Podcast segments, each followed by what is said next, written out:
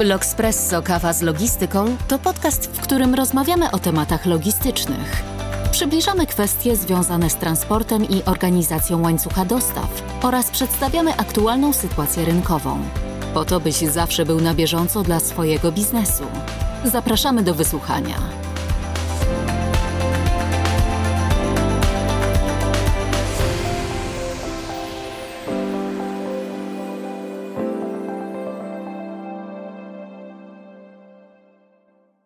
Dzień dobry w kolejnym podcaście z cyklu Kawa z Logistyką. Do dzisiejszego odcinka zaprosiłam Michała Dąbrowskiego, który w Knenagel pracuje w dziale Key Account Managementu i odpowiada za segment Automotive. Dzień dobry, Michale.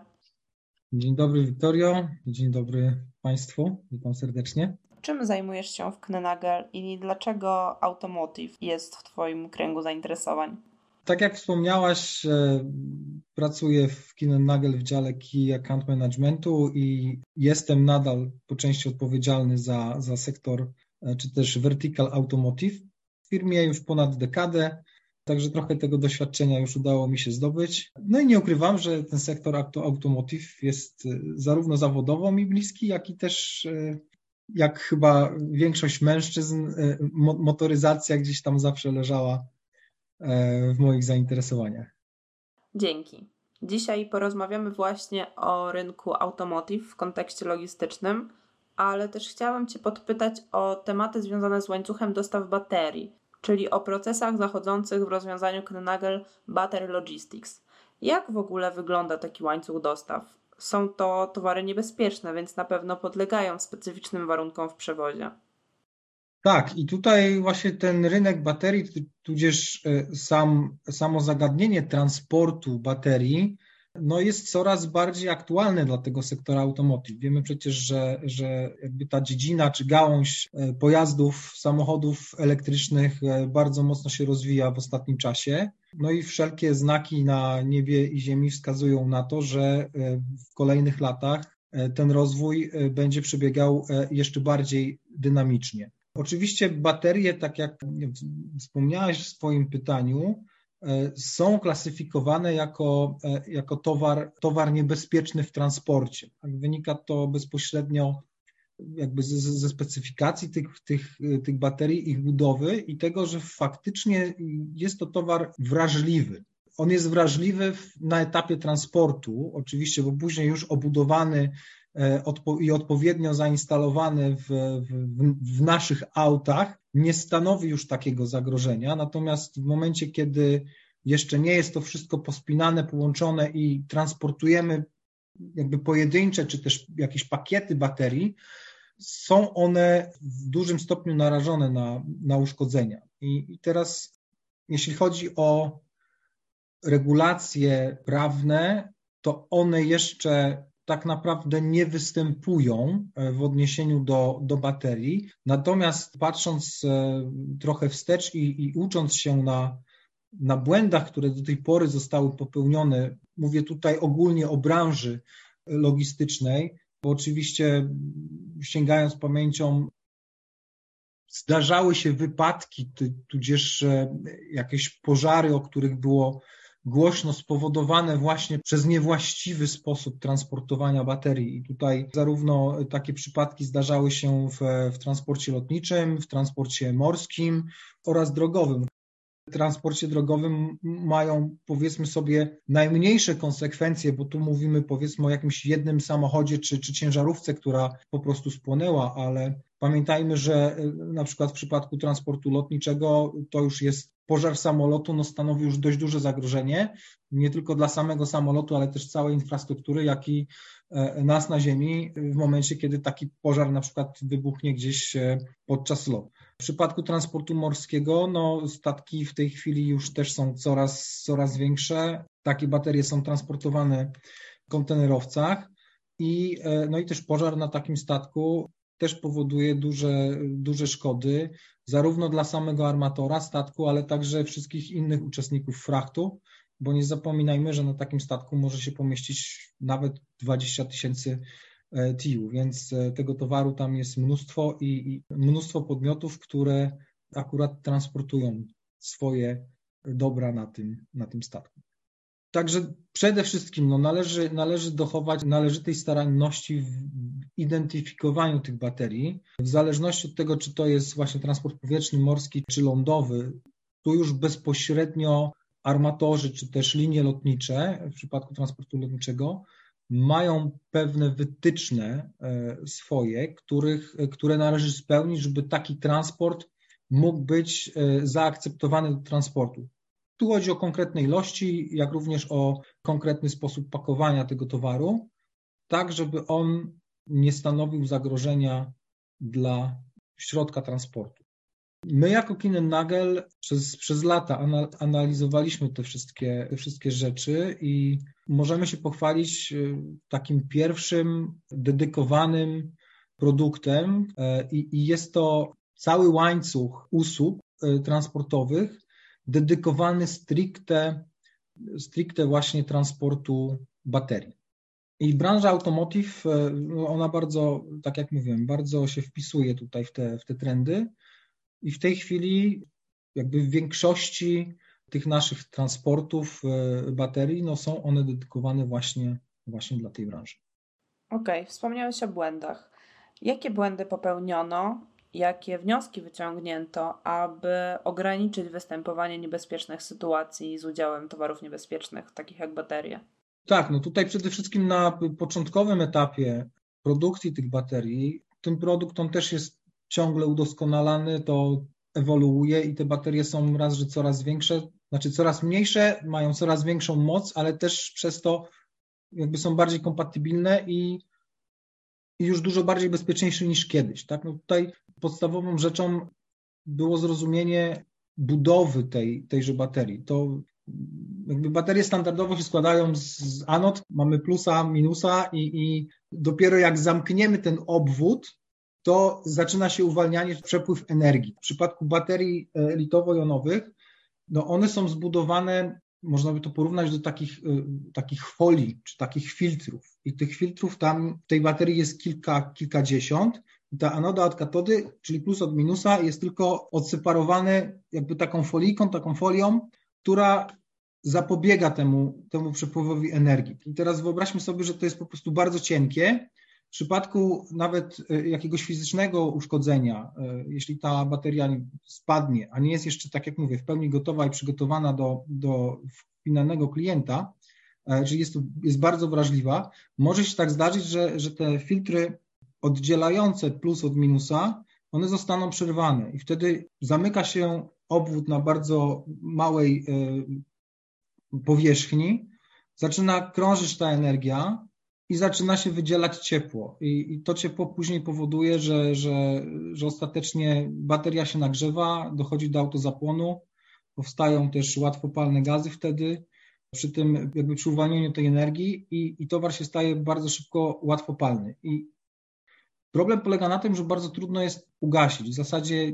nie ma fizycznej możliwości ugaszenia, ugaszenia takiej, takiej baterii. Jedynym takim skutecznym y, zapobieganiem rozprzestrzeniania się tego pożaru jest ochładzanie tej baterii. I teraz wyobraźmy sobie, że, że wokół tej jednej baterii, czy takiej palety, czy, czy pojemnika z tymi bateriami, mamy jeszcze kilkaset innych. Więc jak to ciepło się zaczyna rozprzestrzeniać, no to kolejne ogniwa w kolejnych bateriach też się y, nagrzewają, zaczynają się palić i mamy po prostu reakcję łańcuchową, która nieopanowana w zarodku powoduje no, olbrzymie konsekwencje.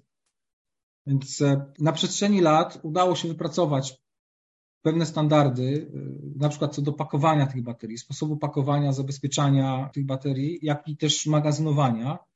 Wiemy już, e, że, że w jakiejkolwiek formie transportu no, nie zalecane jest, by te baterie były naładowane, raczej, raczej one są rozładowane albo tylko i wyłącznie gdzieś tam naładowane w minimum, żeby, żeby to ryzyko po uwolnieniu tej energii, czy w przypadku uszkodzenia na przykład takiego ogniwa, żeby tej energii wydzielało się jak najmniej, ale też są e, na przykład pakowane w specjalne, specjalne właśnie pojemniki, czy, czy takie kontenery, które w przypadku, gdyby zdarzyło się, że, że dana bateria się zapali, że ten ogień nie będzie rozprzestrzeniany na inne towary. I to na przykład bardzo często w transporcie lotniczym na takie palety są zakładane takie specjalne koce termiczne, e, które potrafią, znaczy mają tam określoną wytrzymałość, to są, wszystko jest wykonane z certyfikowanych e, materiałów, które mogą wytrzymać bardzo wysokie temperatury i nawet jeśli to się zapali, to wtedy jest jeszcze e,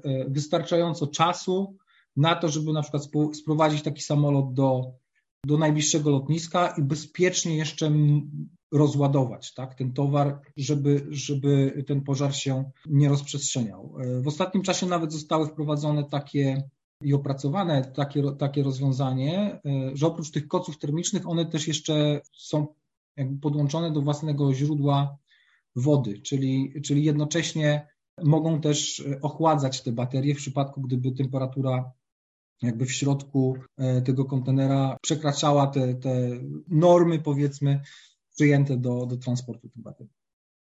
Jakie jeszcze działania są podejmowane w celu minimalizacji ryzyka niebezpiecznego zdarzenia? Czy standardem jest stały monitoring baterii podczas przewozu? Są względem tego, nie wiem, na przykład określone wymagania prawne? Nie ma jeszcze w tej takiej stricte nomenklaturze transportowej czy y, zewnętrznych wytycznych prawnych y, dedykowanych właśnie transportu baterią. Wszystko, co robimy, y, robimy na, na bazie poprzednich doświadczeń, jak i tego, co już zostało, zostało wypracowane. I podobny sposób postępują właśnie armatorzy, czyli właściciele statków, tudzież właściciele linii lotniczych, czyli, czyli statków powietrznych, którzy już definiują czy, czy po prostu e, determinują pewne zachowania klientów, którzy chcą te baterie transportować, czyli one muszą być odpowiednio zapakowane, odpowiednio przygotowane i tak dalej, i tak dalej. Natomiast samych takich prawnych wytycznych co do tego nie ma, oprócz oczywiście standardowych tych konwencji e, dedykowanych do transportu towarów niebezpiecznych. To jest opracowane, niemniej no, tam nie ma bezpośrednich wytycznych co do chociażby, nie wiem, formy pakowania czy, czy, czy sposobu zabezpieczenia. Stąd też, y, wracając do pytania, nie ma też takich standardowych czy, czy wymaganych sposobów monitoringu tychże baterii na etapie transportu. Natomiast y, oczywiście to się dzieje, bo, bo i producenci, i odbiorcy baterii są już też coraz bardziej świadomi. I tak jak mówiłem, biorąc pod uwagę też, że ta bateria na etapie, kiedy nie jest jeszcze gotowa jest wrażliwa na, na wszelkiego typu e, właśnie wstrząsy, przegrzania, temperaturę, czy nawet, czy nawet wilgotność. Jest możliwość i, i my takie usługi też oferujemy, monitorowania tych, tych baterii do takiego kontenera czy palety, która jest transportowana lotniczo czy morsko, znaczy taką paletę możemy zaopatrzyć w odpowiednie data logery, które właśnie monitorują i wstrząsy, i mierzą e, temperaturę otoczenia, i temperaturę na przykład wewnątrz, e, wewnątrz tego pojemnika, i, jak i wilgotność, e, wilgotność powietrza. Dzięki naszym systemom teleinformatycznym klienci finalni mają możliwość jakby śledzenia tych parametrów, monitorowania ich w, praktycznie w czasie rzeczywistym. W przepisach transportowych, no można to, tak jak mówię, powiązać ty też z tymi przepisami dotyczącego, dotyczącymi DigiCargo, czyli tego transportu niebezpiecznego, jak i na przykład nasze, ten nasz cały łańcuch dostaw jest jakby w pełni kompatybilny, tudzież certyfikowany na przykład przez ISO, czy inne organizacje, które, które takie certyfikaty przyznają. Musimy zapewnić odpowiednio przeszkolony personel, E, który będzie wiedział, jak z tym towarem postępować. E, jakby to też niesie pewne obowiązki, które są nakładane na producenta, tudzież e, podmiot wysyłający te baterie, który też jest zobowiązany, żeby dostarczyć pełną kartę charakterystyki towaru, dokładne ilości i, i tą kartę DG, którą się wypełnia przed każdym transportem. Ona następnie po analizie jest także weryfikowana przez przez armatora, tudzież e, linię lotniczą. No i na tej podstawie jest wydawana zgoda na, na taki transport. Tu też chodzi o odpowiednie rozmieszczenie tego towaru później na, na, na środku transportu, tak żeby w razie jakichkolwiek problemów no, był do niego łatwy dostęp i też, e, żeby był odpowiednio odseparowany od innych towarów, e, żeby uniknąć rozprzestrzenienia się ewentualnie pożaru, gdyby taka sytuacja zaistniała. Okej, a jak wygląda proces magazynowania? Czy przechowywanie baterii musi odbywać się w specjalnie wydzielonej przestrzeni? Może w specjalnie zaprojektowanym do tego magazynie? Tak, tutaj, tutaj też są, e, ale znowuż też podobnie jak w przypadku transportu. Są standardowe przepisy, tudzież e, jakieś regulacje, które na przykład magazyn musi spełnić, żeby mógł, żeby w, magaz- w tym magazynie można było przechowywać e, środki łatwopalne. Czyli tutaj mówimy o wszelkiego rodzaju zabezpieczeniach typu właśnie dodatkowe zraszacze wody, jak i też takie kurtyny przeciwogniowe, które są w stanie wydzielić jakieś powierzchnie na magazynie, czy oddzielić powiedzmy y, te powierzchnie od siebie w przypadku, gdyby taki ogień zaistniał. E, co do przechowywania tych baterii, to tutaj takim dodatkowym wymogiem, który, który my sobie stawiamy jako, jako firma Nagel do przechowywania tych baterii, jest to, że na przykład spryskiwacze nie są rozmieszczane tylko na tych głównych ciągach komunikacyjnych, ale też są rozmieszczane na, na regałach, na których są składowane palety, czyli wtedy każde piętro jest osobno zasilane w wodę, gdyby taka konieczność za, zaistniała. Więc to tym, tym się różni. Więc inwestycja w budowę takiego magazynu no pewnie, zapewne będzie wyższa niż, niż przygotowanie po prostu standardowego, standardowego magazynu. E, co do samego e, magazynowania tych baterii, to tak jak mówiłem, no też odradza się, czy też nie zaleca się magazynowania tych baterii, które są w pełni naładowane. E, więc tutaj też e, mamy przygotowane, e, przygotowaną pod to całą infrastrukturę, gdzie na wejściu każda partia tych baterii jest ponownie weryfikowana. Mierzymy, jak, jak jest naładowanie tych baterii. Jeśli trzeba, one są odpowiednio rozładowywane do poziomu, który uważamy za bezpieczny do przechowywania. Co do pojemników, najbardziej istotne czy może taką istotną, ale też wrażliwą sprawą, to jest przechowywanie czy transportowanie baterii, które mogą lub są uszkodzone. Jeżeli nie dzieje się nic nadzwyczajnego, to, to nie ma jakichś dużych problemów e, z przechowywaniem i transportowaniem tych baterii. Oprócz tego, że mamy te wszystkie e, regulacje związane z, z DigiCargo, to traktowany ten towar jest jak każdy inny. Problemy pojawiają się w momencie, kiedy mamy do czynienia z bateriami na przykład uszkodzonymi albo są na przykład reklamowane przez, przez klientów, które uległy jakiemuś wypadkowi albo y, do które w jakiś sposób są, są wadliwe. Tak? Więc tutaj już wymagane są dodatkowe środki bezpieczeństwa i tak jak mówiłem, no są na przykład specjalne takie ognioodporne pojemniki, kontenery, które są dodatkowo zamykane, które też, e, nie wiem, do tych pojemników jest sypywany piasek, które też w łatwy sposób mogą być transportowane na przykład wózkiem widłowym, żeby je gdzieś wywieźć w bezpieczne miejsce przy takim magazynie. E, oczywiście też zawsze musi być taki bufor gdzieś na zewnątrz e, przygotowany, gdzie, gdzie takie pojemniki czy takie baterie można, można składać tylko po to, żeby uniknąć właśnie y, w przypadku pożaru rozprzestrzenienia się go e, na, na inne, inne te baterie. Bo tak jak mówiłem, jest to potem reakcja łańcuchowa i, i praktycznie nie, do opanowania nawet przy najlepszych y, zabezpieczeniach anty, antypożarowych. Ten łańcuch jest zaprojektowany całościowo, czyli od samego początku aż do samego końca, czyli łącznie y, y, ze zwrotami i dostarczaniem tych baterii y, na przykład do ponownego przetworzenia, recyklingu czy ponownego użycia do, do, do fabryk, które to ogniwo rozpoczynają. Czy logistyka baterii, podobnie jak automotive, rządzi się swoimi prawami? Znamy just in time, just in sequence.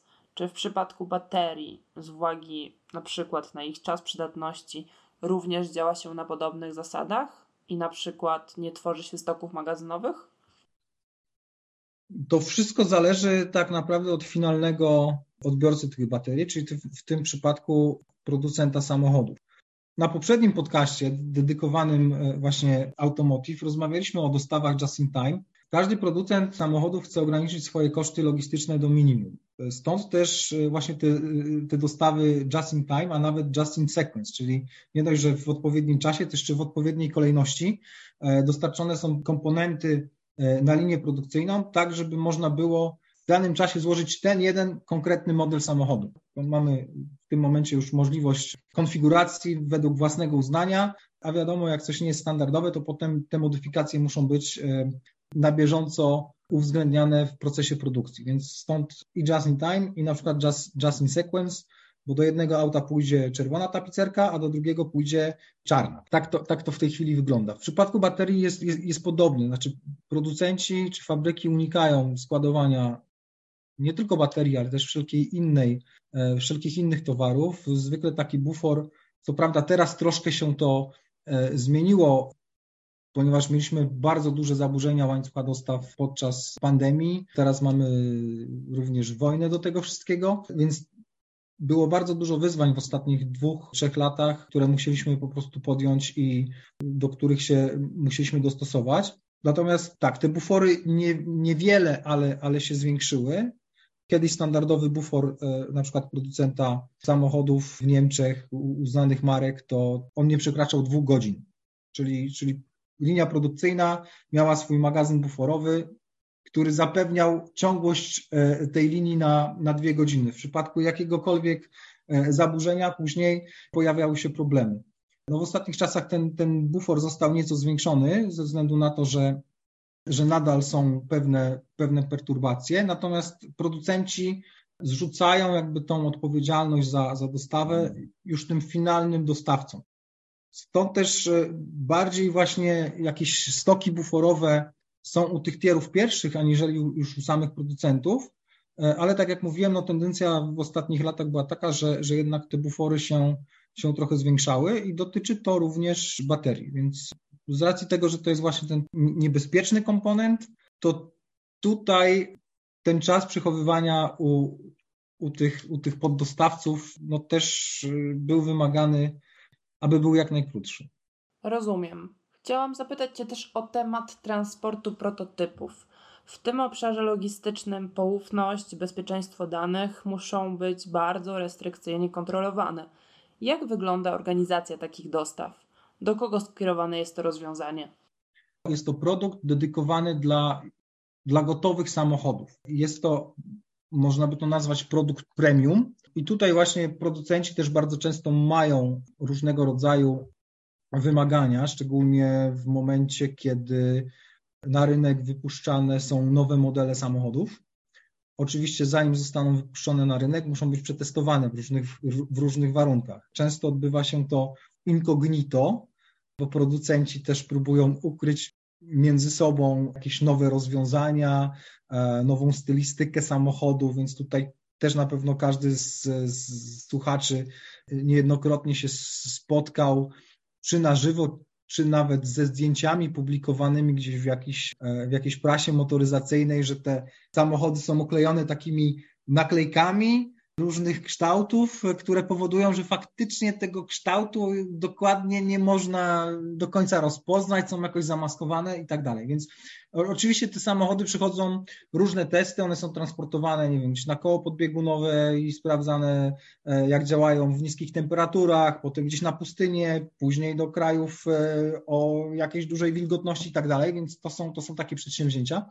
No i tak, i my tutaj e, świadczymy te usługi, możemy możemy właśnie zagwarantować też e, naszym klientom pełną poufność. E, te samochody, one są transportowane w specjalnych kontenerach, ale także realizujemy takie usługi dla tych marek premium, gdzie na przykład dostarczamy już do e, gotowe samochody w tak zwanych białych rękawiczkach, czyli też jest tworzona cała, cała logistyka, cały łańcuch dostawy dla danego modelu w odpowiednich warunkach by trafił do, do jakiegoś e, powiedzmy klienta VIP e, da, da, danego producenta. To również pozwoliło nam e, z powodzeniem świadczyć też usługi logistyczne do obsługi na przykład targów, czyli też wszelkiego rodzaju pojazdy. Możemy dostarczyć na, na, na targi w każde miejsce na świecie praktycznie i też w zależności od tego, czy, czy to ma być taka usługa standard, czy ta właśnie w białych rękawiczkach, czy, czy właśnie taka top secret, to możemy, możemy, to, możemy to robić.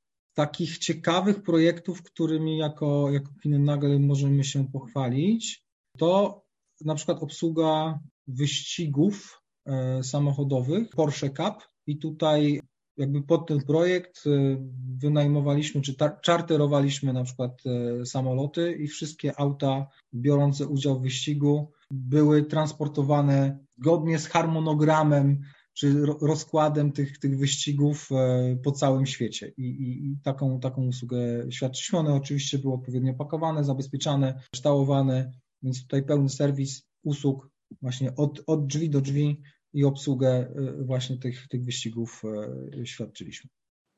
Michał, bardzo dziękuję za rozmowę i za przybliżenie naszym słuchaczom tematu logistyki baterii.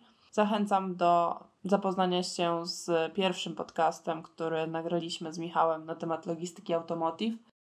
Ja również bardzo dziękuję.